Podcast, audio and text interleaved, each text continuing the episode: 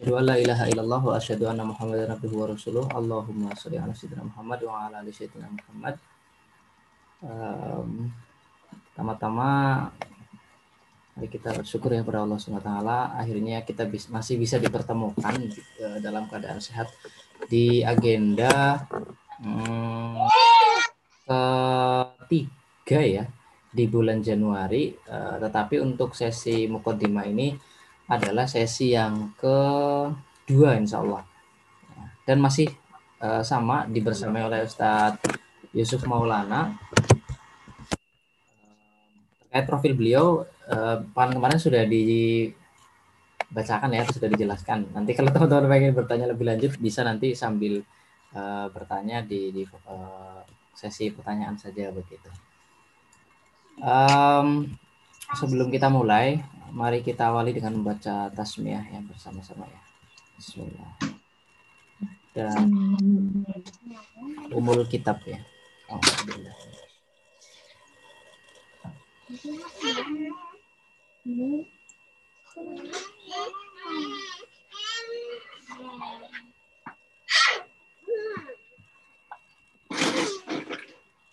Oke, um, tidak berlama-lama ya teman-teman. Um, kita sudah dibersamai langsung oleh beliau, Mas Yusuf Maulana. Um, pada malam hari ini, insya Allah ada beberapa bahasan-bahasan yang mungkin yang pekan kemarin sudah disampaikan oleh Ustadz Yusuf ya, apa saja yang akan dibahas malam hari ini.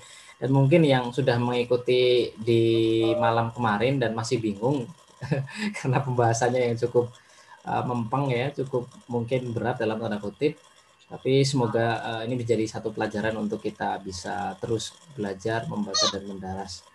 Um, langsung saja kepada Ustadz Yusuf Maulana kami persilakan.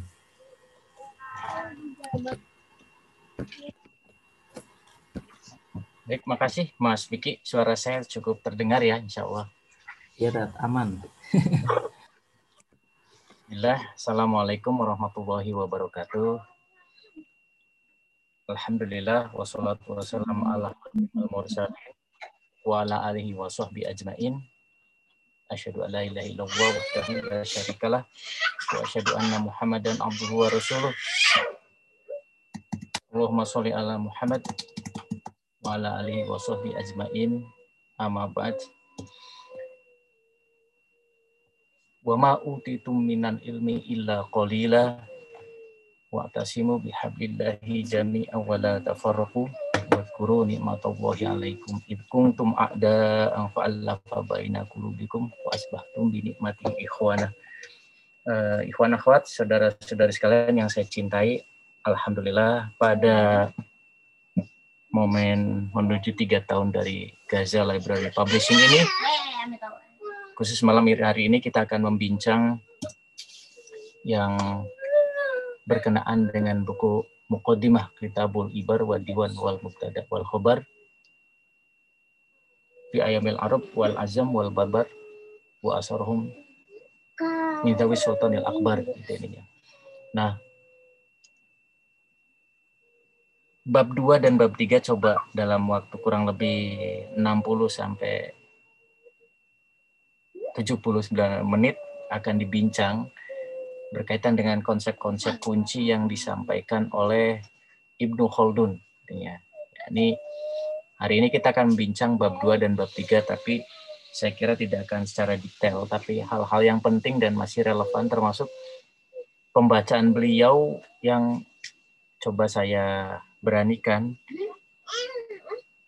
Cara berpikir beliau kalau kita kontekstualkan pada hari ini kira-kira seperti apa pembacaan seorang Abdurrahman Ibnu Khaldun ini tentang konsep masyarakat Badui dan mobilitas mereka yang dalam pandangan Ibnu Khaldun itu sangat positif gitu ya. Termasuk pentingnya apa yang disebut dengan asobia atau uh, sering disebut oleh para sarjana kita dipadankan dengan istilah solidaritas sosial gitu nih walaupun ada yang menyebut lagi dengan frasa-frasa yang lain, tapi istilah solidaritas sosial yang diungkapkan pertama oleh seorang rektor di kampus Islam di Surabaya waktu itu cukup populer dan banyak dipakai akhirnya istilah ini solidaritas sosial Nah, termasuk jadi kita tutup dengan bahasan Khaldun atau ini awalan sebetulnya di bab 3 tentang jatuh bangunnya dinasti-dinasti. Nah, kesempatan ini memang sungguh berharga dan saya diberi satu kehormatan oleh Mas Vicky dan teman-teman di Gaza dan juga audiens semuanya. Saya izinkan memegang buku yang ini, bukan bermaksud promosi, karena untuk soal ini Gaza saya kira punya stoknya. Terbitan Turos ini, eh ya, grup Turos wali pustaka ini setebal 1336 ini cuma 1336 ini lumayan untuk sekali angkat tangan itu lama-lama biceps kita akan terbentuk gitu ininya. Dan ini disusun dengan apa ya? Buku baru ini pas dengan era generasi milenial. Ya, ini penerbit sudah berusaha penerbit sudah berusaha memudahkan dengan membuat semacam kayak visualisasi. Dari babnya tentang apa, termasuk juga dengan tabel-tabel, beberapa penjelasan, catatan kaki atau footnote yang untuk memudahkan, plus juga dengan terjemahan oleh Pak Ahmadi Toha yang sudah diperbaiki ketimbang era generasi saya zaman kuliah, generasi 90-an ini. Nah, meskipun buku ini kalau tidak hati-hati ketika antum ke marketplace bisa jatuh ke yang bajakan gitu ininya. Belilah yang aslinya itu. Nah, adapun buku yang ini ya mikir-mikir pembajak untuk ini ya memplagiat ini setebal ini ya sungguh zolim itunya. Nah, ada banyak sekali hal yang membantu karena kemarin barangkali teranggap buku Mukodimah ini Nah, misalkan bagaimana perjuangan dari Pak Ahmadi Toha ini menerjemahkan karena teks Mukodimah itu banyak versi. Artinya ada kemungkinan direvisi, dilengkapi dan sebagainya. Nah, kira-kira manuskrip-manuskrip ini ketika digabungkan mana yang paling komprehensif kira-kira begitu ini. Bukan bicara makin apa bukan bicara mana yang asli bukan. Semuanya asli. Hanya ada manuskrip yang dari perpustakaan di Istanbul, ada juga yang berada di tempat yang lainnya. Nah, di Turki saja ada beberapa manuskrip dari Mukodimah Ibnu Khaldun ini. Nah, oleh Pak Ahmadi Toha ini secara menurut saya ini penerjemahan paling monumental lah, walaupun jarang dibicarakan karena keuletan beliau sejak berusia pra mahasiswa atau masih setingkat mungkin BA ya sampai kemudian beliau sudah sepuh diulang lagi bagi saya ini satu sesuatu yang yang dahsyat gitu ininya dan kemauan untuk menghadirkan di generasi yang kira-kira seperti cucunya itu bagi saya sungguh sungguh kita doakan ini menjadi jariah dari Pak Ahmadi Toha gitu Nah, penerbit Wali Pustaka juga dengan baik di buku ini uh, membuat beberapa pohon-pohon visual, bagan-bagan yang bagi saya ini amat membantu khususnya bagi yang pertama kali memegang kitab Mukodimah ini atau buku terjemah Mukodimah ini. Nah, karena di sana dijelaskan beberapa hal proses perjalanan Ibnu Khaldun, termasuk ada beberapa peta. Sebentar, ini saya masih belum begitu akrab. Nah, nah, nah, ini yang bisa gambar era kayak gini bukan generasi 90-an ini. Ini anak-anak sekarang ini, ini kreatif-kreatif gitu ini. Nah, nah, jadi di situ per per bab dijelaskan dengan pohon visual yang ini akan memudahkan. Nah, saya lupa untuk memindai, memfoto tepatnya, kemudian menyimpan disambil ditampilkan di slide berikut ini. Saya mohon maaf, mungkin ada baiknya kita bisa lebih apa namanya uh, melihat dari paparan berikut saja. Nah, saya mohon dibantu apakah sudah terlihat? Sudah, Rat. Sudah, Mas Vicky. Sudah, sudah terlihat. Sudah ya. Coba ges, coba geser dulu, Tat ke bawah atau apa biar nanti kelihatan kelihatan geser ya? Ya, geser gambar masjid. Oke. Ya, Tat, geser, Tat. Ya, jalan. Jalan, aman. Ya. Nah, baik dari kemarin ini, kemarin macet. Karena saya biasa oh. sih lewat PDF. Lewat PDF lupa yang apa namanya sering kan melewat PPT atau aplikasi yang lain. Oke. Bab satu saya masih bicara tentang konsep konsep secara umum gambaran sejarah atau historiografi versi Ibnu Khaldun dulu ya, kawan-kawan. Nah, karena ini penting untuk memasuki sebetulnya memasuki bukan kajian ini atau kajian mukodimah itu sendiri, tapi memasuki enam jilid beliau yang lain gitu ininya. Nah, saya, saya saya supaya tidak dibilang apa namanya sia-sia karena ini apa namanya toh kita nggak memegang enam jilidnya, saya akan persingkat saja.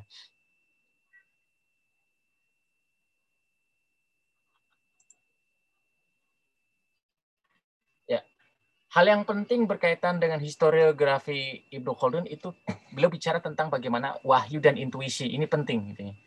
Nah, ada catatan penting dan ini uh, apa ya biasanya cenderung dinormatifkan oleh para penulis siroh gitu atau para penulis maghozi kalau dulu disebutnya atau tarikh tentang Rasulullah gitu ininya. Nah, Holden menjelaskan lebih sebut saja fenomenologi sosial. Jadi proses datangnya wahyu yang disampaikan oleh Jibril, tentu Jibril di sini mengemban amanah dari Allah disampaikan ke Rasulullah. Nah, proses ini bagi Holden ini menarik. Nah, karena nanti ada bahasan di Mukodima ini tentang bagaimana jiwa-jiwa manusia gitu nih ya. Loh kok Holdun sampai membahas soal psikologi gitu. Nanti ada bicara juga tentang bagaimana kekuasaan dan jatuh bangunnya oh, dinasti. Uh, mohon di unmute yang ini. Nah, maka proses penulisan Holdun seperti itu. Jadi dari satu bangunan yang besar, lalu kemudian di, dibawa kepada satu kajian yang sifatnya kemasyarakatan, khususnya pemerintahan. Nah, jadi ketika jiwa manusia itu uh, move on, berubah menjadi seperti atau memasuki alam malaikat, ini sesuatu yang hanya bisa dialami fenomena ini oleh seorang nabi, oleh seorang rasul gitu ininya.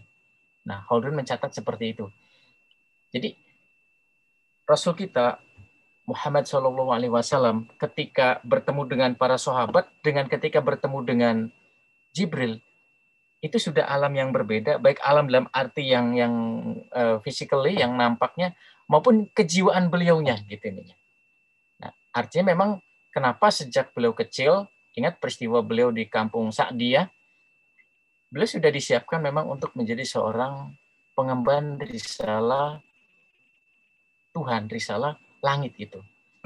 Yang kelak kita menyebutnya Al-Qur'an. Nah, jadi jiwa beliau memang berbeda Nah, ini pandangan Holdun bagaimana melihat fenomena wahyu. Nah, nanti dilarikan kepada bahasan yang menarik.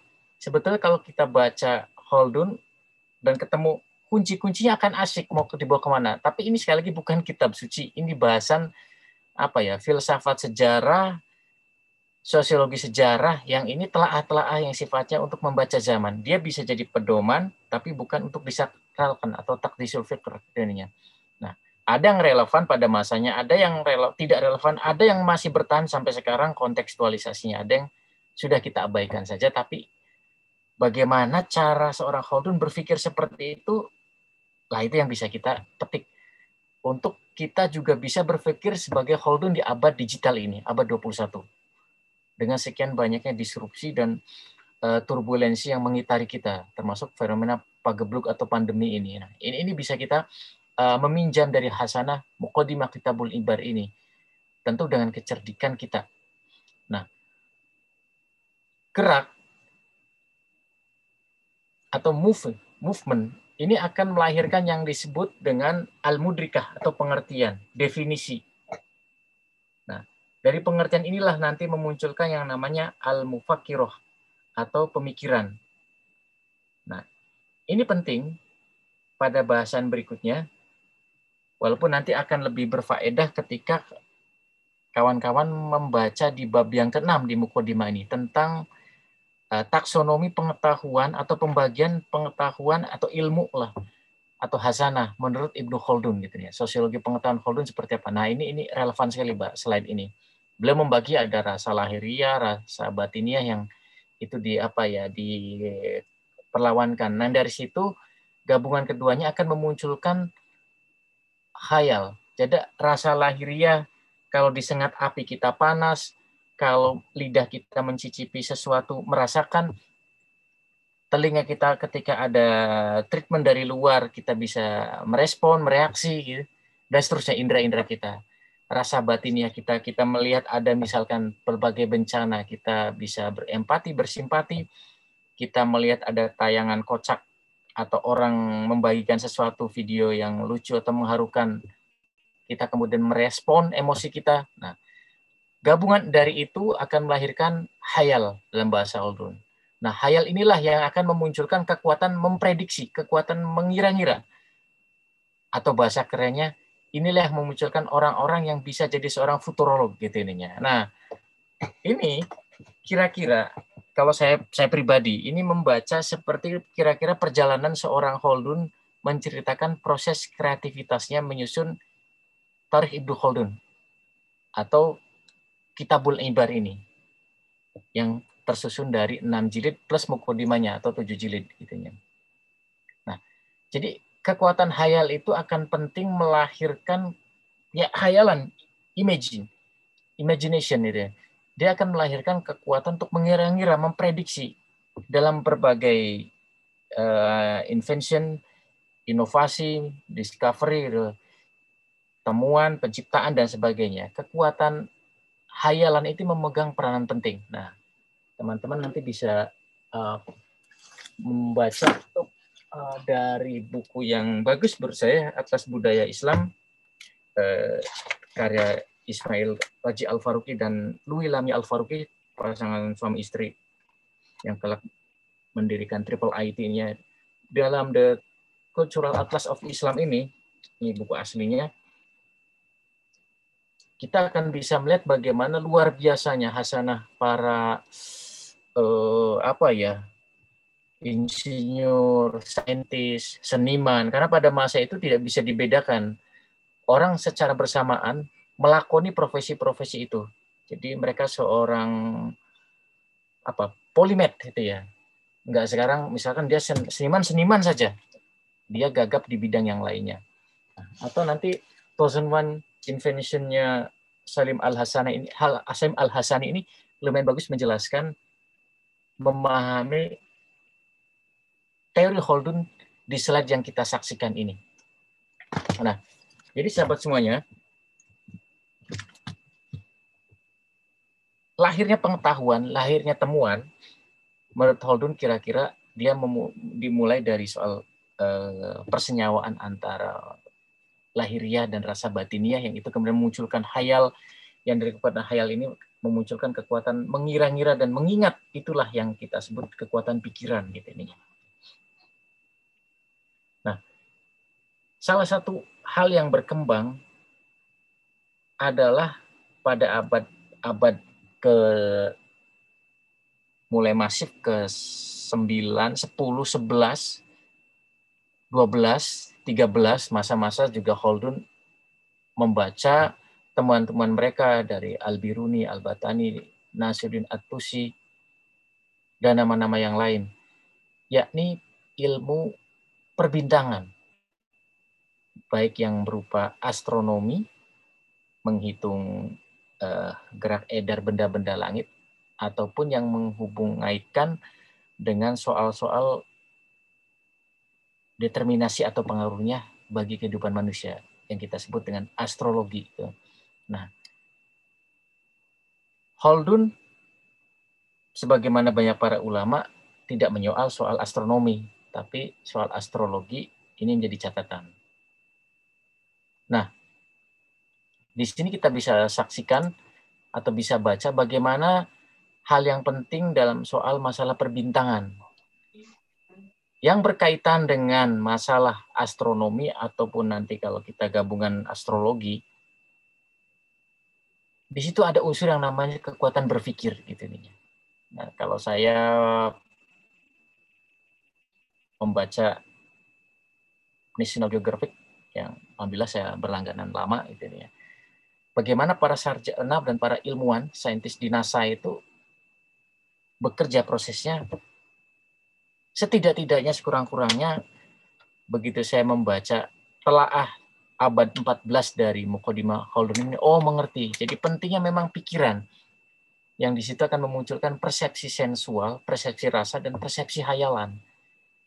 Apakah yang kita saksikan bentuk bagaimana galaksi Milky Way, galaksi Andromeda, dan sebagainya, itu kan tidak sepenuhnya fisik langsung ya, betapapun Masya Allah sudah manusia makin canggih, menciptakan alat-alat yang dengan uh, apa namanya teleskop dulu Hubble ada berikutnya ada teleskop yang lebih dahsyat lagi untuk mengindra mewakili uh, sensual kita mata kita terhadap semesta yang di luar sana di atas bumi yang ya jutaan bahkan miliaran tahun cahaya gitu ininya.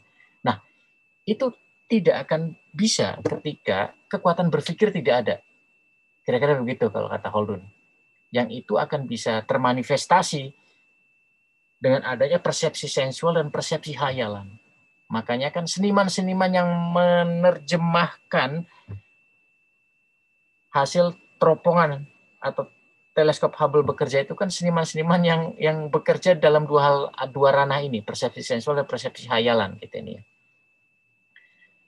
Bagi saya ini lebih advance ketimbang misalkan bicara masa lalu seniman-seniman yang menggambar dinosaurus gitu nih. Anak saya yang ketiga itu fans berat soal dino itu. Dia lebih hafal yang saya sendiri nggak ngerti apa itu. Dino-dino dengan apa namanya genus spesies. Dia kadang hafal sampai detail. Nah, yang kadang saya coba buka-buka secara karena yang beli bukunya saya, tapi saya tidak begitu tertarik karena yang membaca adalah istri saya. Tapi di situ saya bisa melihat bagaimana seniman memersepsikan secara sensual rasa dan hayalan gimana sih?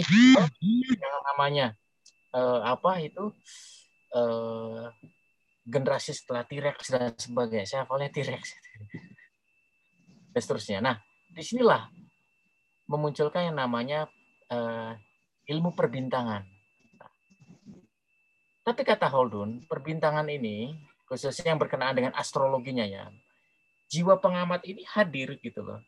Yang kadang-kala mereka itu jiwa mereka itu nah ini saya boldkan ya dianugerahi sifat kurang dan terbatas. Tapi mereka pengen mencoba menjadi sempurna gitu ininya. Nah ahli perbintangan itu tidak dapat secara sempurna mengadakan persepsi yang intelligibilia gitu ya yang bisa dilihat nampak secara jelas. Tapi mereka mencoba seakan-akan ini jelas gitu ininya. Maka Holder menyebutnya ini istilahnya wahyu yang tidak sempurna, tapi mereka seakan-akan mengatakan ini sempurna. Itu sebabnya kalau kita perhatikan dalam turus kita, dalam hasanah kita, ada hadis tentang bagaimana tukang-tukang sihir itu berkolaborasi dengan makhluk-makhluk halus lah jin itu ya mencoba mengintip kabar-kabar dari langit gitu intinya. Walaupun Holdun tidak menyitir hadis tentang ini gitu ya. Nah, jadi ahli-ahli prediksi yang berbasis perbintangan itu mereka mencoba seperti menyaingi nabi kira-kira gitu Holdo nyebutnya. Tapi tidak sempurna. Kenapa? Karena mereka hanya pada aspek persepsi sensual dan persepsi hayalan saja. Kalau seorang nabi itu kan bertemunya kekuatan jiwa dan malaikat dan malaikat itu kan utusan dari Allah, pemilik semesta ini. Udah selesai semuanya. Tapi ahli perbintangan ini mencoba untuk sebisa dia melakukan persepsi sensual dan persepsi khayalan untuk mengindrahi langit dan dihubungkan dengan apa efeknya, apa determinasinya, apa pengaruhnya dalam kehidupan. Atau itu tidak akan sempurna. Wahyu tidak sempurna. Kira gitu. Bahasan ini bagi saya menarik gitu ininya. Tapi poin pentingnya bukan keperbintangannya saya, tapi cara kerja Holden menerjemahkan dan bagaimana kemudian pentingnya kekuatan berpikir untuk memprediksi ke depan. Nah, itu sebabnya kata Holden, penyebab tergelincirnya ahli bintang ke dalam pengertian yang salah terhadap kebenaran kenabian itu karena kesombongan mereka seakan-akan mereka itu setara atau level dengan proses naiknya level jiwa seorang nabi di alam malaikat. Kalau ahli prediksi perbintangan tidak gitu. Cuma memang gampang sekali kalau kita jumpai ucapan-ucapan mereka itu sombong gitu ya. Termasuk juga kadangkala kalau saya perhatikan ilmuwan-ilmuwan NASA itu kadangkala suka jumawa berlebihan mendahului eh, dengan prediksi-prediksi yang berlebihannya. Membuat prediksi boleh, sombongnya itu yang salah. Nah, kita melihat itu sebabnya orang-orang yang disebut dengan nabi-nabi palsu itu, ini menarik bagi saya, punya latar belakang catatan. Mereka itu ahli bintang atau ahli yang percaya, eh, maaf, orang yang percaya pada perbintangan. Bukan percaya karena bodoh saja, Bukan, tapi mereka punya basic, cuma saking merasa pintar dan menguasainya. Orang seperti Umayyah Ibnu Abi Ibnu Asyaya dan Musailamah Al-Kadzab itu orang-orang yang punya basic science pada masa itu astrologi gitu ya. Nah, mereka merasa kekuatan sensual, kekuatan hayali mereka itu dan kekuatan persepsi mereka itu sama seperti Muhammad gitu ini. Tapi mereka lupa mereka hanya mengandalkan diri mereka saja, sementara Rasulullah dibimbing oleh wahyu. Ini bagi saya poin penting uh, karena nanti walaupun Holden tidak menjelaskan apa urgensinya ini ya, tapi nanti akan bisa dijelaskan menariknya Khalifah-Khalifah Abbasiyah termasuk juga nanti yang apa namanya uh, di daulah yang lain. Itu para ahli bintang itu melingkari para khalifah gitu ininya. Jadi ada ahli bintang dalam arti ilmu falak untuk ukuran kebutuhan ibadah atau umbudiyah, sholat dan sebagainya, menghitung apakah ini sudah masuk Ramadan atau belum, apakah ini sudah jatuh Zulhijjah atau Ramadan atau uh, Syawal. Tapi ada juga ahli-ahli bintang yang selain menggunakan untuk keperluan itu, ada ahli bintang yang menggunakan untuk putusan politik ininya. Ini tepat nggak nih kita untuk ekspansi ke sana? Nah, ada kasus-kasus khalifah seperti itu. Kasus ya, tidak semua khalifah seperti itu tentu saja. Mayoritas masih baik. Nah, kenapa seperti itunya itu masih perlu saya kaji dan antum saya kira nanti bisa memberikan opini kenapa ada para khalifah yang yang di lingkaran mereka itu ada eh, apa ya ahli perbintangan yang prediksi. Ada juga yang sebatas hanya untuk memprediksi musim cuaca. Mungkin kalau sekarang seperti klimatolog gitu ya. Oh ini Khalifah, wahai Khalifah, ini kurang baik suasana Mesir. Kita tidak perlu sampai ekspansi ke sana. Saya kira untuk seperti itu bukan masuk kategori syirik. Sains pada abad ke-14 kira-kira seperti itu yang diamati oleh Khaldun. Nah, masuk di kitab yang kedua atau bab dua, kita bicara tentang sosiologi manusia khususnya tentang Badui, masyarakat mobile dengan keunikannya diteropong oleh Holdun dan bagaimana mereka memulai dari katakanlah bawah sampai kemudian masuk, naik, berkuasa dan kemudian mereka digantikan yang lain. Bagi saya bab kedua ini menarik apa yang kita bahas ini. Dan saya curiga sebetulnya bab inilah yang dikhatamkan uh, oleh Mark Zuckerberg pertama dan kemudian dia tidak begitu beranjak ke bab yang lain. Artinya saya belum mendapati informasi apakah dia menghatamkan semuanya enam bab ini atau dia hanya menyeleksi bab tertentu yang relevan berdasarkan pembisiknya atau ada tim review atau tim sarjana yang meneliti yang relevan untuk jadi bahan pemikiran pada abad 21 dari buku yang namanya The Introduction terjemah Franz Rosenthal atau Muqaddimah Kitabul Ibar ini adalah bab 2 prediksi bab 2 bab 3 itu selain bab 1 karena nggak mungkin melewati bab satu itu tentang historiografi menurut Ibnu Khaldun. Nah, bab dua ini bagi saya penting karena dia bicara tentang bagi mobilitas vertikal dan horizontal sebuah masyarakat sederhana. Ini bisa kita bawa atau kita terjemahkan dalam konteks bisnis. Nah, maka saya begitu membaca buku ini dan mendapati berita Mark Zuckerberg bangga memamerkan dia baca buku ini. Satu sebetulnya dia baca biasa, cuma publik muslim di dunia Islam bangga gitu ininya. Nah, saya menduga itu di bab kedua ini kuncinya, atau bab ketiga ini. Karena ini bicara tentang mobilitas. Termasuk kira-kira untuk abad ini, masyarakat Badu yang bagaimana dan seperti apa kalau boleh disebut. Atau prototipnya seperti apa kalau hari ini. Ininya. Nah, teman-teman, orang Badui sebetulnya sama seperti orang kota. Mereka sama-sama golongan alami. Maksudnya golongan yang Allah ciptakan, Allah hadirkan dengan tantangan-tantangan merespon alamnya, itu ininya. Golongan Badui karena mereka tinggal di perdesaan dan tinggal apa ya di alam yang terbuka, tidak menetap, nomaden.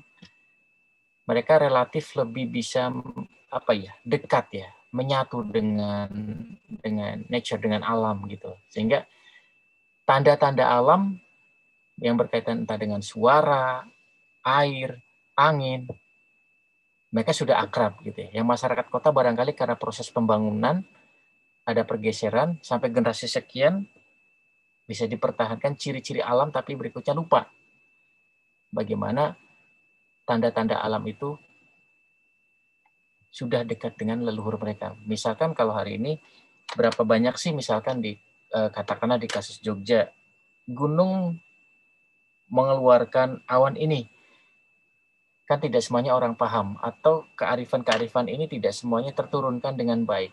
Kearifan ini sebetulnya ketika dikodifikasi kemudian diamati bisa menjadi sebuah pengetahuan, bisa menjadi sains lebih jauh lagi. Masyarakat Baduy meskipun lebih sederhana, tapi mereka sudah akrab dengan tetanda-tetanda seperti itu ininya.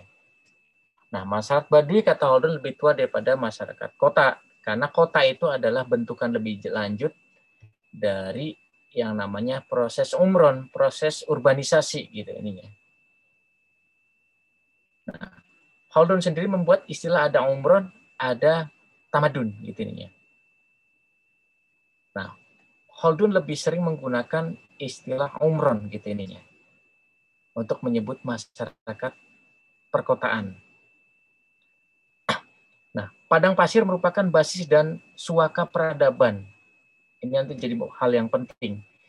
Tantangan alam, kerasnya alam, keterbatasan yang Allah berikan pada masyarakat Badui itu menjadi satu catatan menarik dan epik bagi Holdun untuk memberikan semacam kayak peringatan walaupun dia tidak tidak bilang eksplisit eksplisit itu kepada generasi pembaca karyanya ini bahwa mohon perhatikan masyarakat dengan ciri-ciri seperti ini bisa diberikan bold kalau perlu warna yang kals yang yang yang kasat mata karena apa? Karena dia akan bisa memimpin. Dia akan bisa menguasai orang-orang Baduy itu lebih mudah menjadi baik daripada penduduk yang tetap, kata Holdun. Orang-orang Baduy ini, dia dicirikan memang dengan eh, unsur-unsur tradisionalnya, unsur-unsur yang bersahajanya, sebenarnya uh, apa namanya tantangan dia relatif lebih homogen ketimbang penduduk yang tetap yang umron ini. Nah, orang-orang Baduy itu lebih berani daripada penduduk tetap atau kota dalam bahasan ini kita tahu ada fenomena anak keturunan jenis Khan, gitu ya. Nanti kita bisa belajar dari sosok ini. Ini juga Baduy yang yang yang masyarakat eh, apa suku bangsa Tuk, anak keturunan Tuk, gitu ya, Tuk, gitu ya.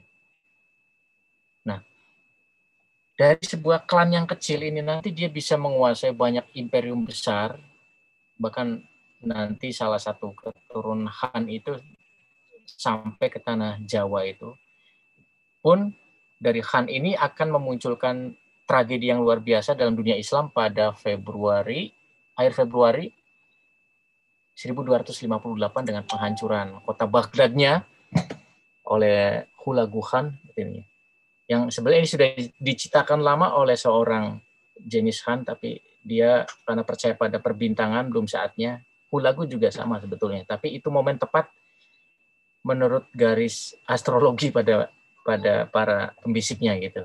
Sehingga yang terjadilah akhir Februari Baghdad jatuh gitu ini. Tapi kita bisa saksikan bagaimana ma Badu yang ada pada klan Khan ini, khususnya Hulagu, dia mobile terus bergerak. Pada masa itu dia bisa menaklukkan banyak kerajaan besar, termasuk juga dia bertemu dengan bertempur juga dengan pasukan salib dan cukup merepotkan. Hasasin yang dikenal sebagai kelompok yang merepotkan, faksi garis keras dan radikal dari Syiah Ismailiyah ini, yang tinggal di satu perbukitan. Ini juga sangat merepotkan Khalifah Abbasiyah. Berkali-kali diserang tapi juga tetap bertahan dan eksis. Ternyata takluknya oleh Hulaguhan gitu ininya. Nah, jadi orang-orang Badui ini memang punya ciri mereka berani, tidak kenal takut, meskipun kadang-kala untuk kasus ya, kasus yang diamati Holdun beda. Untuk kasus beberapa masyarakat Baduy dalam arti luas itu kadang-kala masih percaya pada alam-alam metafisik dengan kata mitos-mitos gitu nih. Tapi Baduy padang pasir nomaden yang diamati Holdun unsur unsur yang bersifat keislamannya ada sehingga bahasan bahasa soal mitos itu tidak. Jadi keberanian yang di sini adalah keberanian yang keberanian dalam arti asalinya dia dia berani bukan karena di drive, bukan didorong oleh bintang, bukan. Bukan didorong oleh, oh hari ini wetonnya bagus dan sebagainya. Dia betul-betul berani karena memang pertimbangan keluguannya saja gitu ininya. Nah, orang-orang umron atau penduduk kota itu, mereka sering percaya pada hukum yang hukum itu kadang memaksa akan merusak keteguhan jiwa gitu. Jadi gini, eh, dalam amatan Holdun, masyarakat kota itu ditata sedemikian rupa perlu pranata untuk mengatur mereka yang namanya hukum. Nah, namun dalam amatan Holdun, hukum yang bersifat mengikat dan memaksa penduduk Omron, penduduk kota itu, itu bisa merusak keteguhan jiwa dan kemampuan mengadakan perlawanan. Jadi ini sebetulnya bukan berarti tidak perlu hukum, bukan. Cara bacanya bukan begitu. Ini maksudnya kadangkala hukum-hukum yang ada itu memang dibuat bagus, tapi justru kadangkala bersifat merusak. Maka dari itu, maka bikinlah hukum yang tidak merusak keteguhan jiwa dan kemampuan mengadakan perlawanan. Gitu. Nah, Haldun tampaknya menggunakan telaah pada masyarakat Rum, masyarakat Romawi gitu untuk untuk untuk menerjemahkan bagaimana hukum dibuat untuk kalangan elit tajam ke bawah tumpul ke atas gitu nih ada namanya hukum dia memaksa tapi justru merusak keteguhan jiwa rakyatnya hukum justru membuat kemampuan mengadakan perlawanan memunculkan spirit perlawanan itu tidak ada Loh kok bisa? Bisa bukan hukumnya yang tidak perlu, tapi hukumnya yang salah, konten hukumnya yang salah. Jangan lupa, kita punya sejarah di era kolonialis. Bagaimana para raja-raja, dulu, belum namanya Indonesia tentu saja, para sultan-sultan, para raja-raja itu, itu memaksa rakyat untuk menaati aturan karena sang raja atau sang sultan terikat perjanjian dengan company gitu ininya. Dengan VOC sampai kemudian Hindia Belanda gitu ininya. Nah, Misal ambil yang lebih spesifik lagi pada Perang Jawa. Sultan Jogja pada masa itu bikin perjanjian dengan Belanda. Rakyat harus taat, tinggal pilih ke mana, pilih ke sultannya atau pilih ke kaum oposisinya gitu ya. Hukum-hukum yang berlaku pada masa itu sebetulnya hukum-hukum yang justru melemahkan keteguhan jiwa dan kemampuan mengadakan jihad gitu ya. Nah, ini hanya bisa dialami oleh masyarakat penduduk umron, penduduk tetap. Kalau orang-orang Badui nggak peduli, meh dia akan ditinggalkan aja. Kalau tidak percaya pada klan ini lakukan perlawanan. Nah, masih tentang keluarga Khan, nanti kita akan dapati ketika Hulagu Khan berantem dengan uh, sepupunya Berha Khan gitu ya, yang kemudian membangun dinasti Mongol atau Tartar Islam gitu ya. Jadi menarik ya, para sejarah mencatat di tangan bangsa Tartar kejayaan kehilafahan Abbasiyah runtuh, tapi juga di klan yang sama muncul imperium baru di tangan Khan juga gitu ini. Catatan menarik. Nah, jadi ini poin pentingnya adalah sekali lagi bukan hukum tidak penting, tapi bikinlah hukum yang betul-betul mengoyomi gitu. Bikin hukum yang bagaimana Rasulullah pun akan memotong tangan Fatimah sekiranya memang itu terbukti bukan hukum yang bersifat eksklusif hanya tumpul ke bawah tapi taj eh, tumpul ke atas tapi tajam ke bawah. Berbeda dengan masyarakat Badui, mereka diikat oleh solidaritas sosial asobia. Ya. Asobia menjadi keyword yang penting yang menghiasi karya Holdun. Bahkan Holdun mengenalkan konsep asobia yang bisa dikatakan berbalik dengan pengertian hadis Rasulullah. Di hadis Rasulullah di di apa namanya diucapkan dalam matanya kecaman beliau terhadap asobia. Nah, asobia yang di manakah yang dimaksud Rasulullah? Beliau menyebutkan laisa mina mangda ala asobia, bukan bagian dari kami mereka yang menyeru kepada asobia. Bukan bagian dari kami juga yang berperang karena asobia. Walisa mina mangkotala ala asobia. Atau mereka yang mati dalam bendera asobia itu juga bagian bukan bagian dari kami. Walaysa mina mata ala asobiyah. Katanya. Tapi asobiyah yang dimaksud Holdun apakah seperti itu? Ternyata bukan.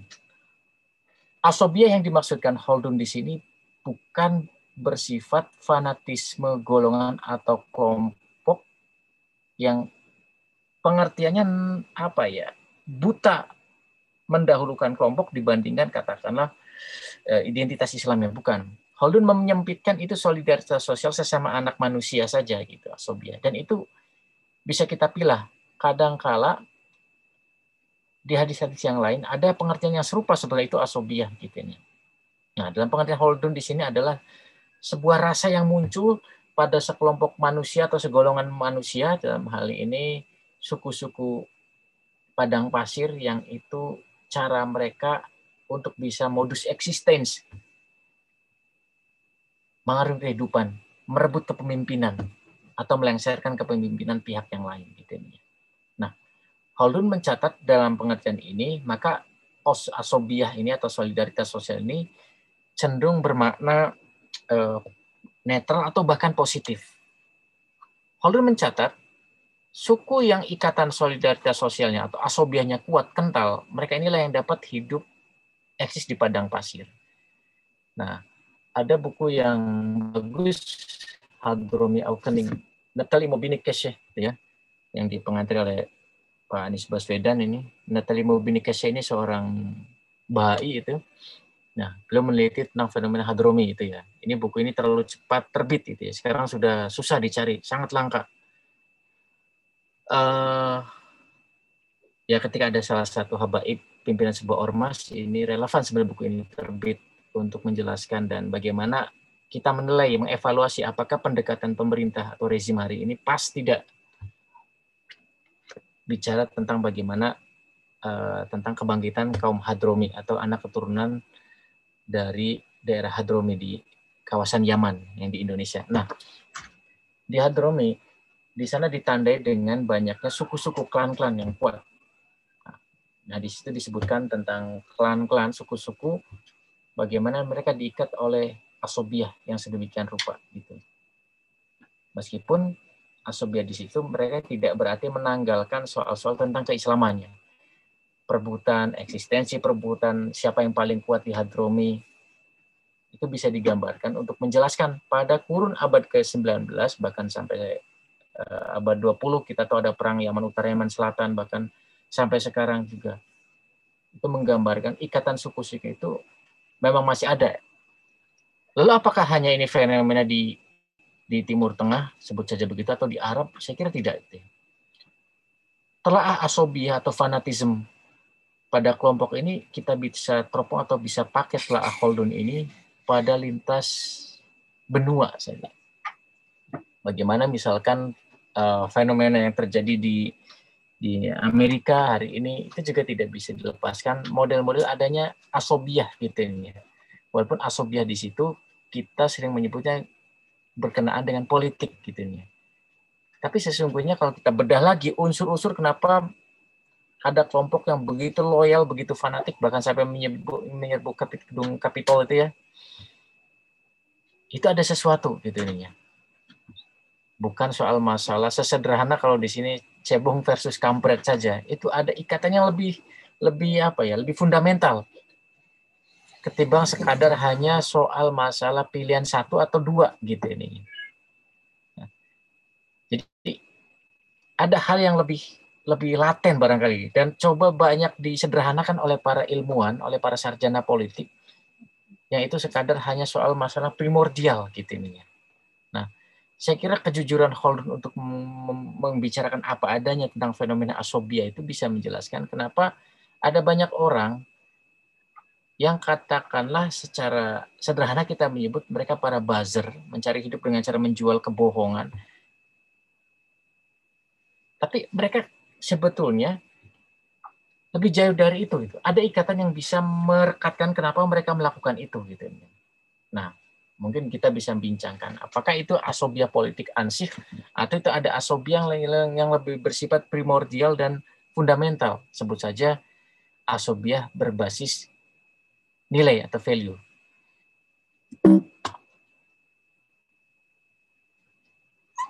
Holder menyebutkan hanya orang-orang yang termasuk dalam asobiah yang memiliki rumah, house dan kemuliaan, honor, inilah yang eh, apa namanya akan memiliki atau satu merengkuh satu kejayaan. Saya sudah sebutkan di pertemuan yang lalu, berkali-kali saya mencoba cari pengertian al-bait di teks Arabnya, kira-kira di tanda petiki di edisi Fransol Central juga cuma disebutkan house kemuliaan atau honor ini bisa diinikan lah. Kenapa asobia itu perlu rumah dan kemuliaan, rumah tanda petik.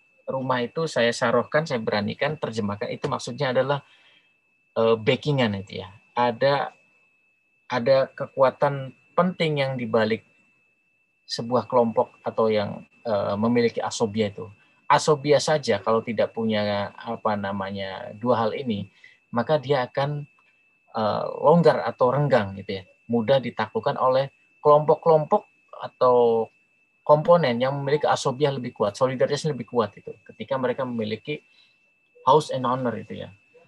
Punya rumah tanda petik, punya backing, punya naungan yang kuat dan mereka punya ya kemuliaan, punya pancaran wibawa gitu ininya.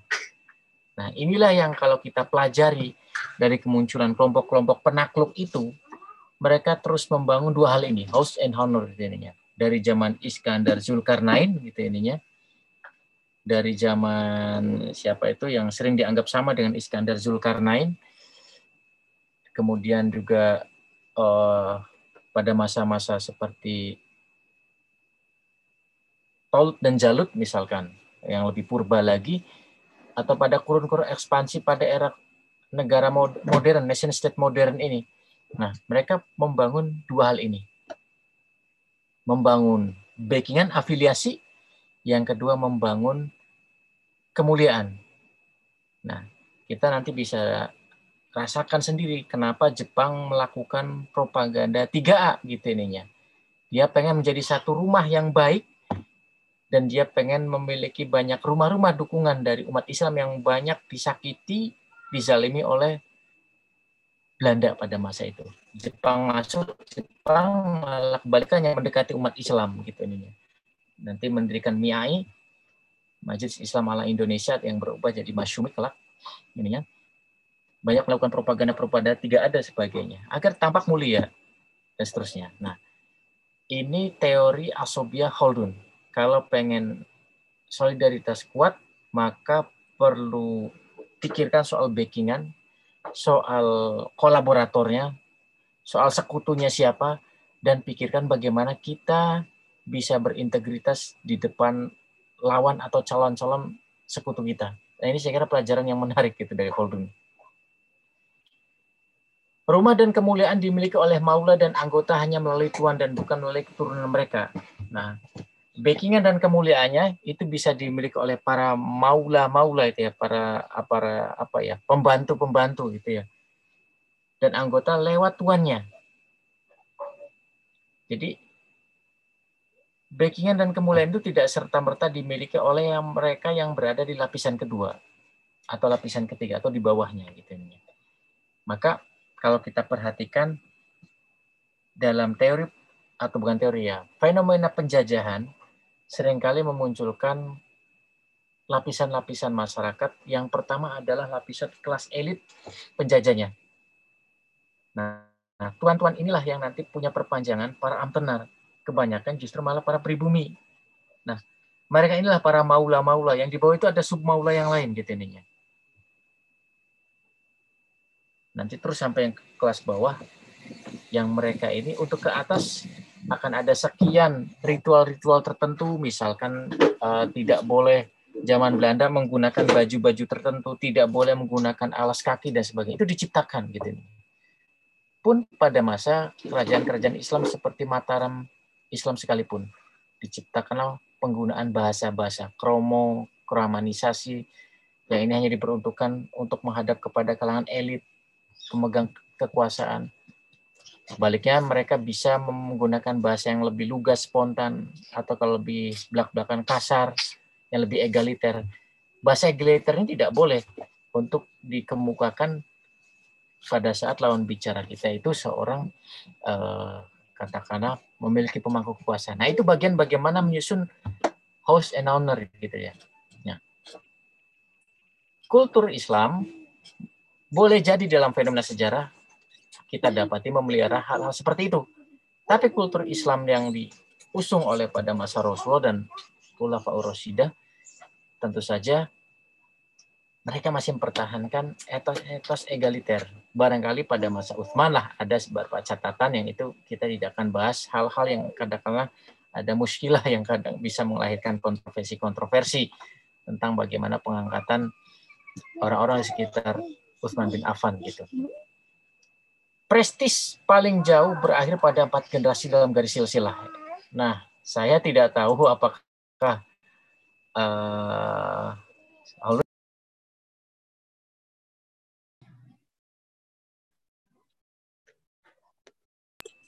maksudnya begini, apa namanya? Ini penting bahwa generasi sampai empat ini kualitas masih relatif terjaga. Kualitas masih relatif bisa dipertahankan. Generasi saya, anak saya, cucu saya, cicit saya kira-kira seperti itu. Nah, dalam eskalasi bisnis, para pengusaha biasanya sangat memperhatikan kelanjutan dan keberlangsungan usaha mereka gitu. Nah, kira-kira empat generasi ini kurunnya sekira 60 sampai 100 tahunan lah, katakanlah per generasi eh, 60 tahun misalkan. Sampai berapa pertama, sampai bertahan berapa lama misalkan sampai berapa kondusif lamanya sebuah habitus atau ekosistem bisnis yang bagus di sebuah klan.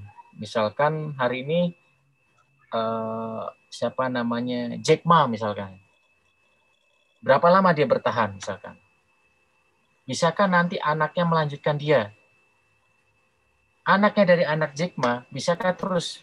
Nah, kalangan-kalangan yang dibahas di Holdon di sini, khususnya masyarakat Badui, itu sangat memperhatikan bagaimana proses alih generasi ke generasi gitu ya. Dalam satu garis silsilah termasuk dalam fenomena di para khalifah-khalifah yang diamati dalam bahasan Tori Ibnu Khaldun ini, maka prestis itu paling jauh berakhir pada empat generasi. Biasanya zaman yang utamanya itu bagus, zaman berikutnya biasanya ada penurunan gitu. Nah, pada masa uh, apa namanya Abbas Abbasiyah. Pada zaman Abbasiyah kita bisa perhatikan Abu Abu Abbas As-Sofah merintis meskipun dengan berdarah-darah beliau mengeksekusi keluarga Umayyah gitu ya. Pada masa Al-Mansur putranya atau saudaranya ada kemajuan yang lebih signifikan. Nanti pada masa berikutnya pada era Al-Mahdi ada perubahan yang lebih baik lagi. Dilanjutkan lagi pada masa Al-Hadi dan puncaknya pada Harun Ar-Rasyid. Sebetulnya pada masa Al-Amin, saudaranya dan Al-Ma'mun, terus masih ada kemajuan-kemajuan. Jadi bisa mempertahankan pada empat generasi ini satu sesuatu yang sangat baik.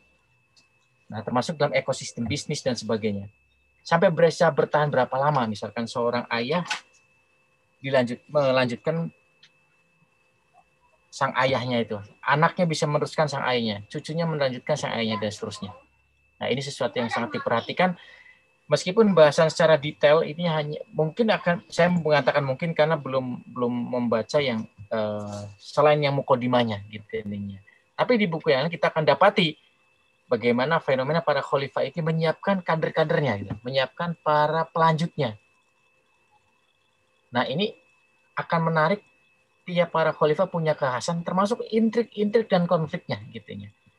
Nah, kita kan sering dapatnya yang hero ya, yang yang fenomenal misalkan Al-Fatih disiapkan bagaimana. Kita cenderung mengambil sisi hasil akhirnya, bukan prosesnya gitu nih. Nah, kita tidak tahu bagaimana kemudian para pelanjut Al-Fatihnya misalkan. Ini dunia Islam pada masa itu peta ini uh, penting untuk menjelaskan telah Ibnu Khaldun ini kawasan Sunni Abbasiyah pada masa itu sayangnya masih di bawah kontrol para wazir Buwaid.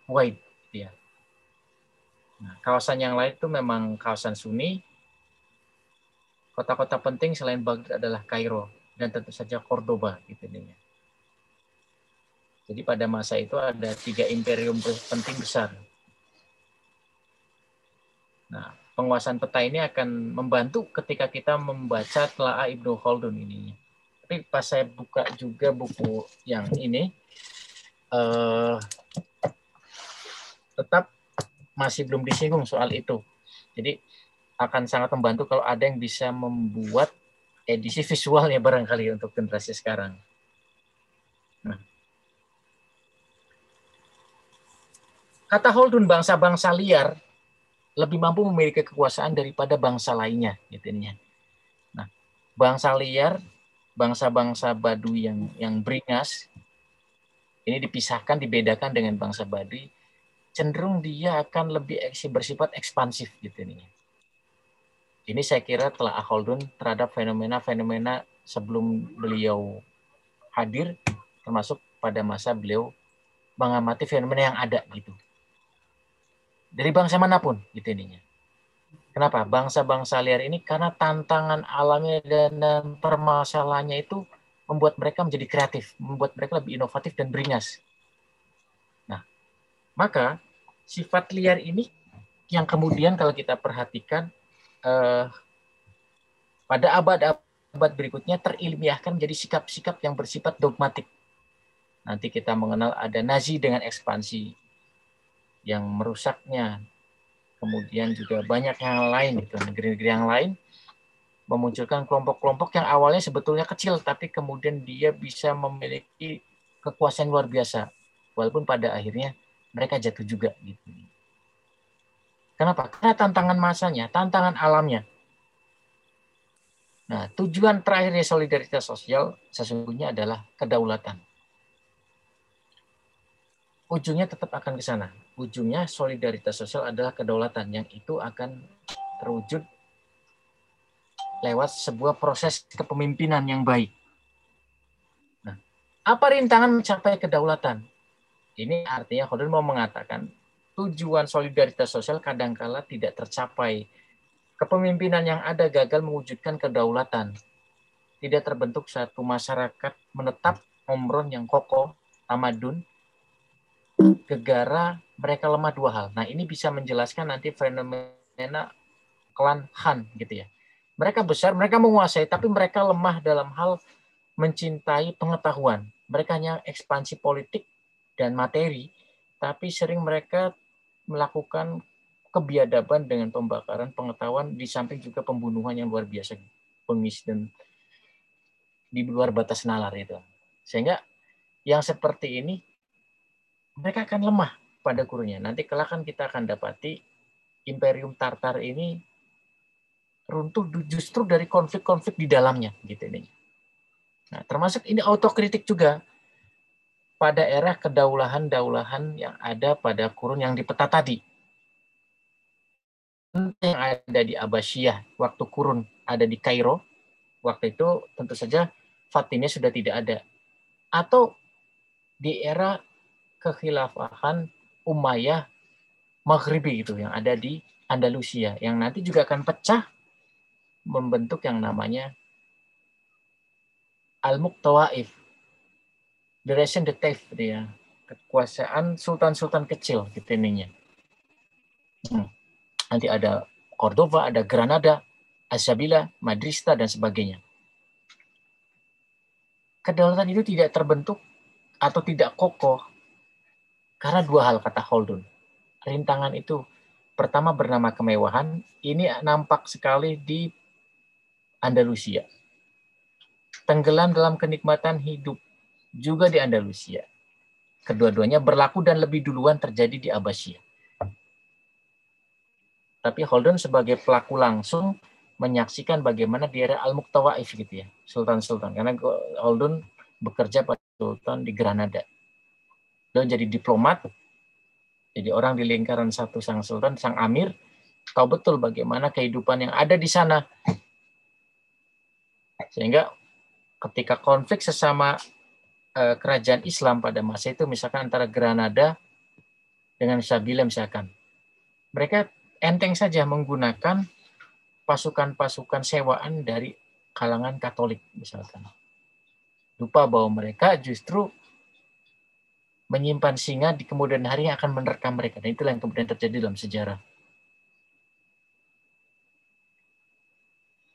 Tunduk dan patuh kepada pihak lain, kata Haldun, kadang menghalangi suatu suku bangsa mencapai kedaulatan. Ini sudah jelas, kira ya. Kepatuhan-kepatuhan itu berbanding positif, berbanding lurus dengan kedaulatan. Ya kita tahu, ini bisa kita balik. Gimana untuk mengurangi kedaulatan suku bangsa agar tunduk kepada bangsa kita? Bagaimana kita menegakkan kedaulatan kita di atas kelompok yang lain? Maka caranya adalah bikin mereka tunduk dan jangan bikin mereka itu tegak dan jangan bikin mereka itu berani ke kita. Kira-kira begitu secara dialektis. Di antara tanda-tanda kedaulatan kata Khaldun adalah cita-cita yang tinggi untuk memiliki sifat terpuji gitu ya. Nah, ini eskalasi dunia Islam, kelompok-kelompok Islam terutama era apa nama uh, Khulafaur Rasyidin misalnya empat pada masa Umayyah akan terasa himmah cita-cita itu akan terus meningkat. Pada masa Abbasiyah makin meningkat dan itu nanti dibahasan ke bab ketiga atau keempat. Haldun bicara tentang kedaulatan dan hubungannya dengan pemajuan dunia pengetahuan nih. Jadi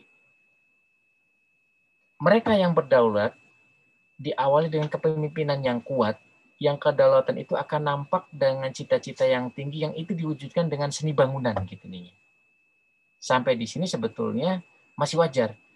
Tapi nanti ada ada uh, firewall, ada garis api yang ketika itu ditabrak itu berbahaya. Apa? Ketika cita-cita membangun bangunan-bangunan itu tujuannya untuk berlomba-lomba, tujuannya untuk pamer, tujuannya untuk berkontestasi, berkompetisi dengan raja yang lain itu. Hatta dia sesama Islam. Nah, di sini bukan lillahi ta'ala lagi, Holden memang jarang menggunakan bahasa-bahasa normatif untuk menjelaskan fenomena-fenomena kemanusiaan seperti itu.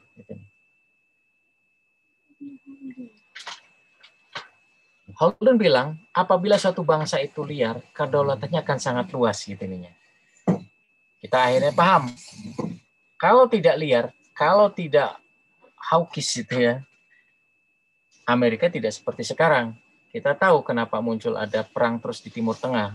Ada kelompok-kelompok para peniaga senjata gitu nih. Memang ada yang menciptakan keliaran pada suku yang lain. Atau justru yang dia sendiri itu liar, tapi mewajahkan dirinya itu menciptakan demokrasi. Ada yang menciptakan banyak utang, tapi sebetulnya dia tengah menampakkan keliaran yang halus dengan politik memberikan utang. Ya, saya kira Cina hari ini bisa menjelaskan kalau kita sebut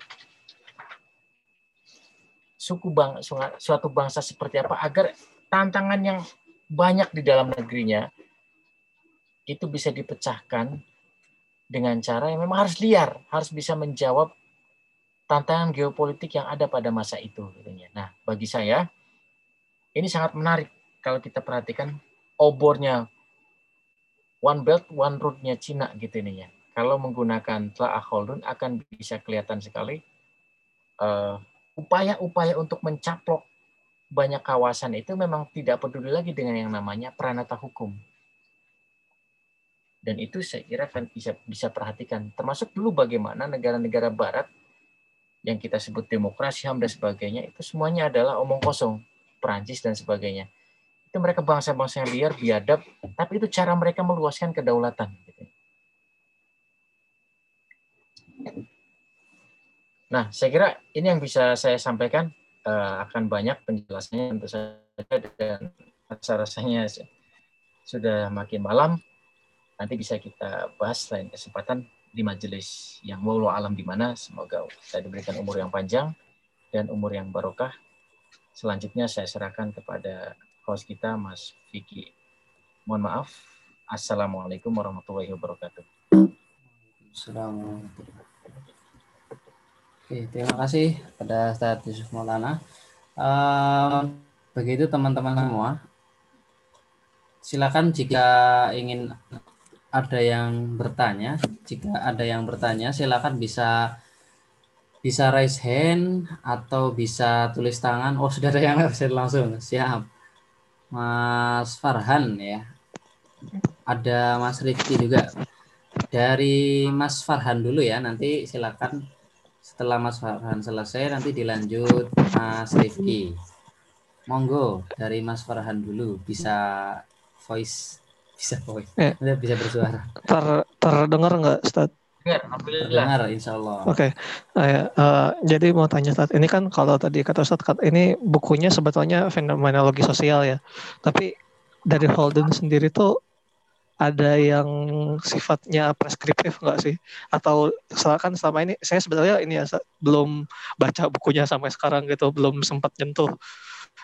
Eh, itu saya penasaran. Jadi itu sekadar deskriptif apa ada preskriptifnya juga gitu karena kalau ikut kajian-kajian Ibnu Khaldun ini seakan-akan jadi preskripsi nyampainya kalau ke saya seperti itu itu aja deh se, se untuk sementara ya siap Lanjut ke yang kedua dulu. Yang kedua, Rifki, monggo. Silakan, Rifki, Mas Rifki. Boleh, suara langsung oh, ya. boleh. Uh, ini jelas nggak? Jelas, jelas. Jelas, aman. Oh ya. ya, Tat. Uh, maaf sebelumnya mau nanya.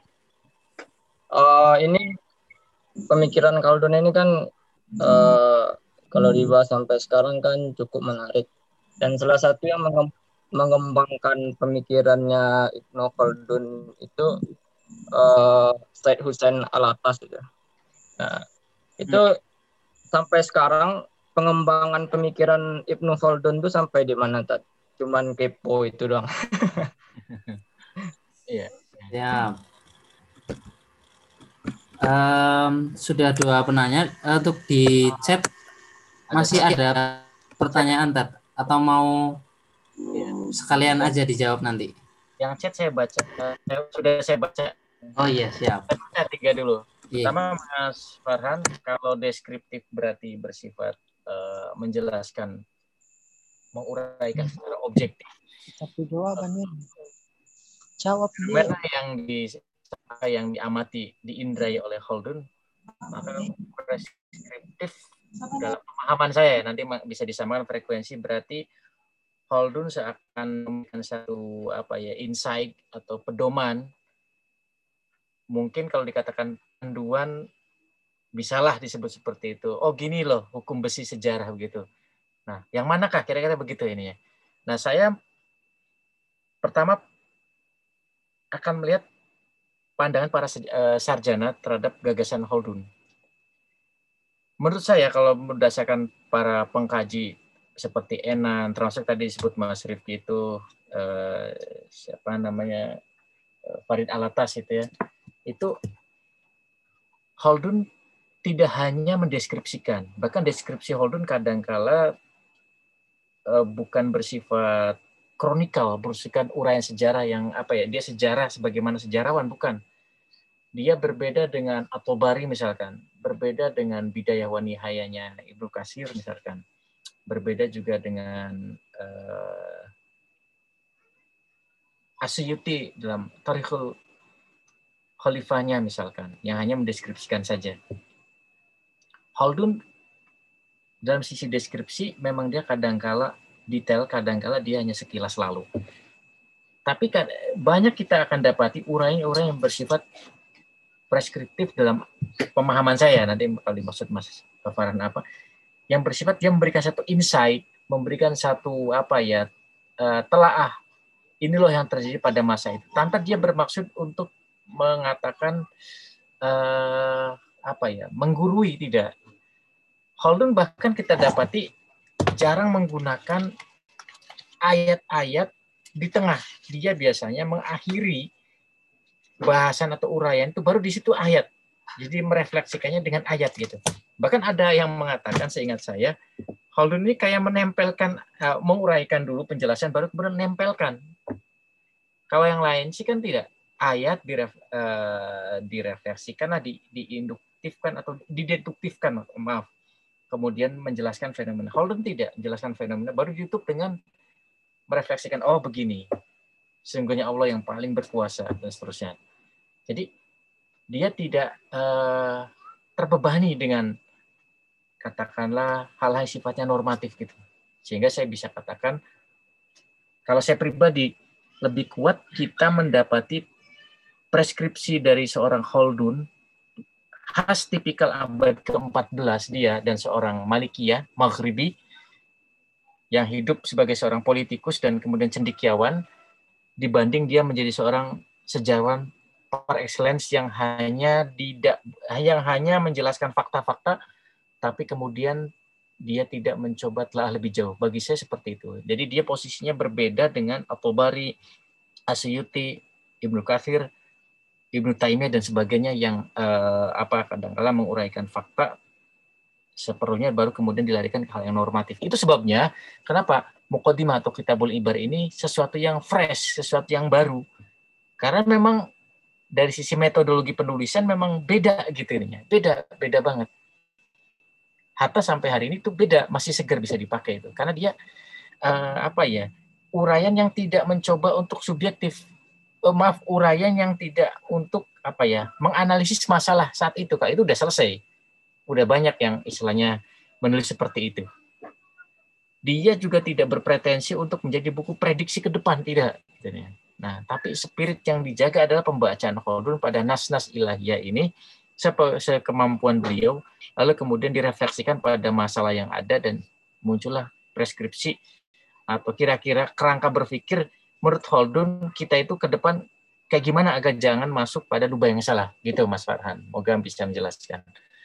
Mas Rifki kalau setahu saya itu memang kecuali itu ya Farid itu belum uh, banyak yang mengkaji secara tekun dan telaten gitu ininya.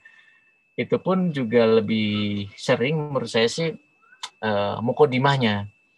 Saya melihat belum banyak yang atau belum ada saya pribadi terbatas sih memang ini. Belum mendapati yang kajiannya sampai tujuh jilidnya Holdun dibedah detail gitu ya. Saya bayangkan mukodimah saja yang sepanjang seribuan halaman edisi Indonesianya atau katakanlah potong sepertiganya aja 300 edisi Arabnya itu baru mukodimanya. Gimana Holden itu kalau menjelaskan bukan hanya dalam tapi juga melebar gitu ini. Nah, ini butuh satu ketekunan yang luar biasa. Butuh satu apa namanya? Uh, wawasan yang luas, butuh satu apa? titik irisan hasanah hasanah turus sehingga paham tidak hanya di satu disiplin saja. Ya, klarifikasi dari Mas Farhan tadi preskripsi yang dimaksud meng, sebaiknya mengikuti uh, saya kalau preskripsinya Holden tidak seperti itu, tidak eh, senormatif atau bari atau Ibnu Athir atau Ibnu Kathir gitu ininya. Dia lebih bersih, makanya justru dia lebih tanda petik awet. Dia bisa dibaca berbagai zaman gitu Mas Farhan. Karena preskriptif yang diarahkan oleh Holden preskriptif untuk ke cara berpikir alih-alih mengikuti putusan bagi saya. Bukan berarti seperti itu semua. Kadang-kala Holdun mencela yang sudah jelas memang Islam melarang. Seperti bermewah-mewahan. Tapi ada kalanya Holdun mendiamkan dan banyak seperti itu tapi sebetulnya kita akhirnya punya putusan gitu ya terhadap fenomena itu. Nah, jadi ini memang apa ya? Uh, mengajak mengandaikan pembacanya dewasa gitu ininya. Pertanyaan ketiga dari akun Abimanyu ini ya. Tadi sempat disinggung terkait hukum, tumpul ke atas dan tajam ke bawah. Dan sepatutnya sikap kita adalah membuat hukum yang seadil-adilnya. Apakah posisi kita adalah orang yang dikenai hukum dan tidak memiliki kekuatan untuk membuat hukum yang adil? Bagaimana seharusnya kita bersikap? Nah, ini harus tentang filsafat hukum dan ini bukan wilayah saya. Ketika saya hubungkan dengan bahasan Holdun saja, tadi ada satu slide yang menjelaskan bahwa hukum pada masa saya sekali lagi bukan menjawab pertanyaan khusus dari uh, akun abimanyu 998 gmail.com itu ya Mas Abimanyu ini. Tapi saya ingin balik ke bahasan Holdunnya Holdun menyoroti satu hukum yang yang dia dibikin uh, apa ya namanya melemahkan kejiwaan dan solidaritas sosial. Ini poin penting. Bikin hukum itu jangan yang melemahkan keduanya gitu nih ada hukum yang seperti itu berarti. Di sisi lain juga bisa dibaca, ada hukumnya sudah bagus, tapi praktek hukumnya ternyata melemahkan dua hal. Jadi ini satu hasana yang baru, selain hukum memang tidak boleh pilih-pilih, tidak boleh diskriminatif, supermasi hukum memang harus ditegakkan seobjektif mungkin. Tapi Holder menjelaskan juga dengan satu bacaan yang berbeda bahwa bikin hukum jangan yang Pertama, melemahkan kejiwaan rakyat. Jangan bikin aturan yang justru bikin rakyat itu malas gitu. Nanti ada bahasan tentang pajak sebetulnya. Ini agak sensitif. Holden akan menguraikan soal masalah pajak di situ. Ini bicara dunia Islam di Mukodime. Ini bukan bicara kelompok yang lain. Antum jangan katakan pajak itu dari Barat atau kemudian uh, dia tidak Islam. Enggak, ini Holden bicara tentang dunia Islam gitu. Jadi dia bicara bagaimana pada saat satu kekuasaan itu baru terbangun, maka pajak itu akan bersifat ramah dan dia akan bersifat uh, regresif. Tapi ketika satu negara itu mau jatuh, maka pajak itu akan meluas dan akan bersifat progresif gitu ininya dia akan mengambil apa aja di pajak gitu ini ya. Karena memang tidak ada lagi pemasukan gitu ya. Apakah ini sama dengan negara yang kita tempati? Wallahu alam gitu ininya.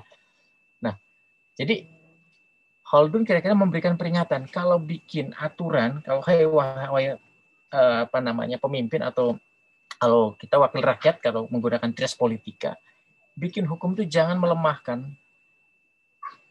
rakyat itu lemah jiwanya gitu bikin aturan kok membuat orang jadi malas berusaha. Kenapa? Kan di mana-mana dipajaki. Bukan pajak nggak boleh. Tapi ketidakadilan. Contoh saja lah, saya sebagai pelaku perbukuan sering kali cemburu dengan misalkan barang-barang mewah itu begitu mudah dapat privilege keringanan. Mobil-mobil mewah dan sebagainya.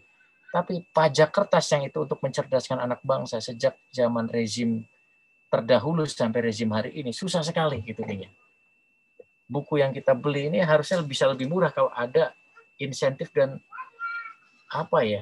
Ya paling tidak pajaknya lah tidak oh, memang negeri ini memihak orang kaya kita harus akui. Tapi paling tidak tolonglah dibela untuk pengetahuan anak bangsa ini kertas jangan dipajaki lah minimal itu. Jangan di, atau dimurahkan lah. Ini kan tidak gitu ininya.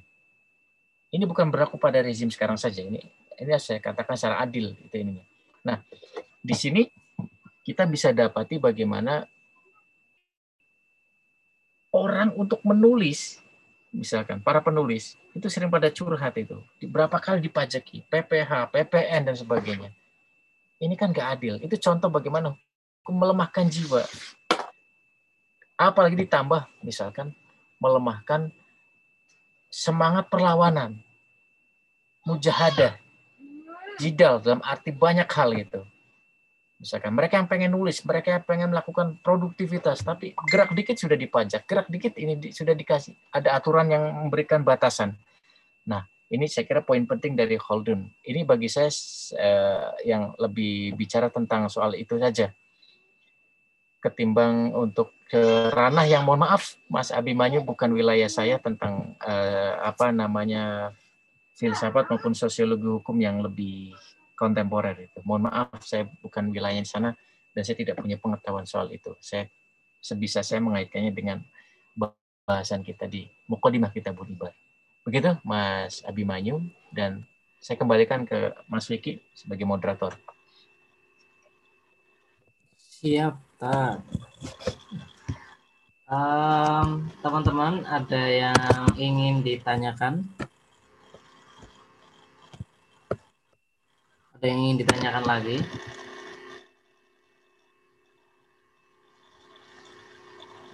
Monggo bisa raise hand atau boleh di kolom chat. Silakan.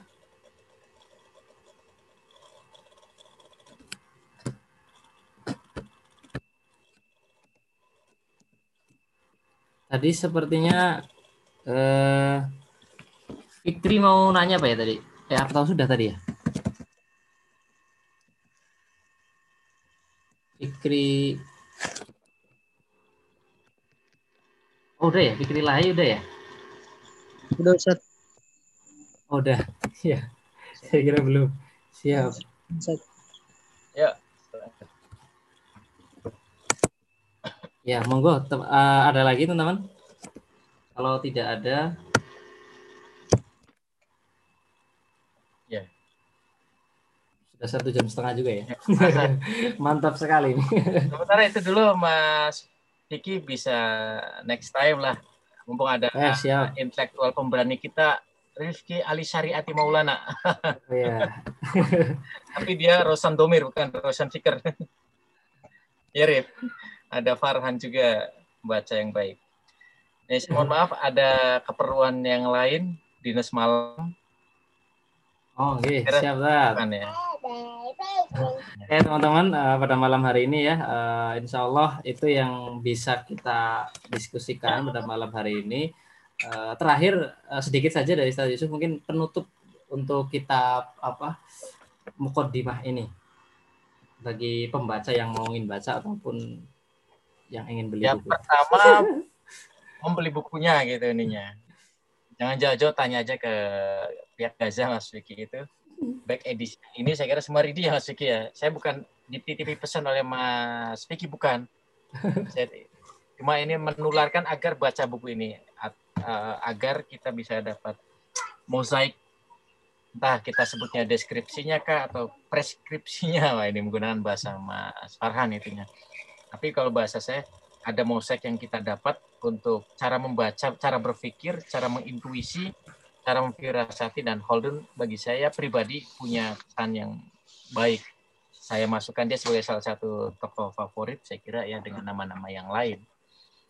Eh, nah dari situ saya kira teman-teman akan bisa lebih objektif memandang eh, keseharian kita termasuk dalam bermedsos, termasuk dalam misalkan ada yang punya uh, wirausaha seorang Mark Zuckerberg aja baca the introduction apatah lagi kita kita buktikan bahwa kekeliruan di fenomena di kampus-kampus di Arab yang ini ungkapan ungkapan seorang sarjana ya dari Enan atau siapa pada tahun 50-an awal-awal barat maju ini bukan berkaitan bukan cuma momen aja barat-barat pasca perang dunia itu The Introduction diterjemahkan Frans Occidental dan dicetak mas relatif masif lah ini.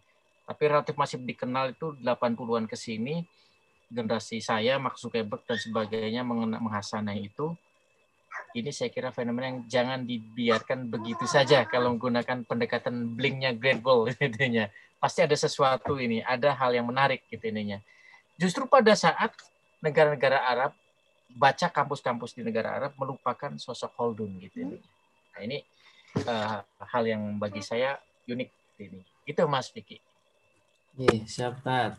Terima kasih pada Ustaz Yusuf yang telah membersamai kita pada malam hari ini dengan begitu banyak perbincangan dan mungkin eh, kalau masih bingung dan pusing gitu wajar lah ya.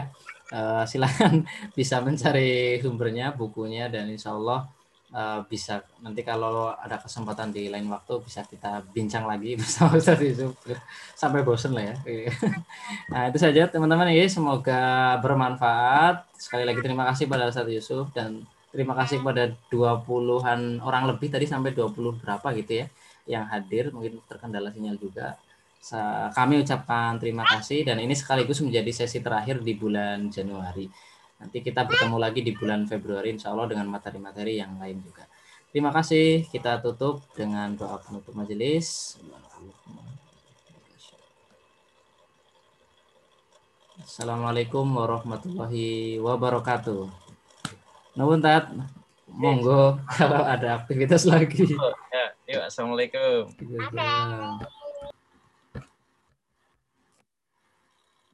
Saya akhiri ya teman-teman. Sampai ketemu di bulan apa ya Februari ya. Ya di Februari pekan pertama nanti kita akan membedah buku yang lain juga. Terima kasih. Saya akhiri end meeting.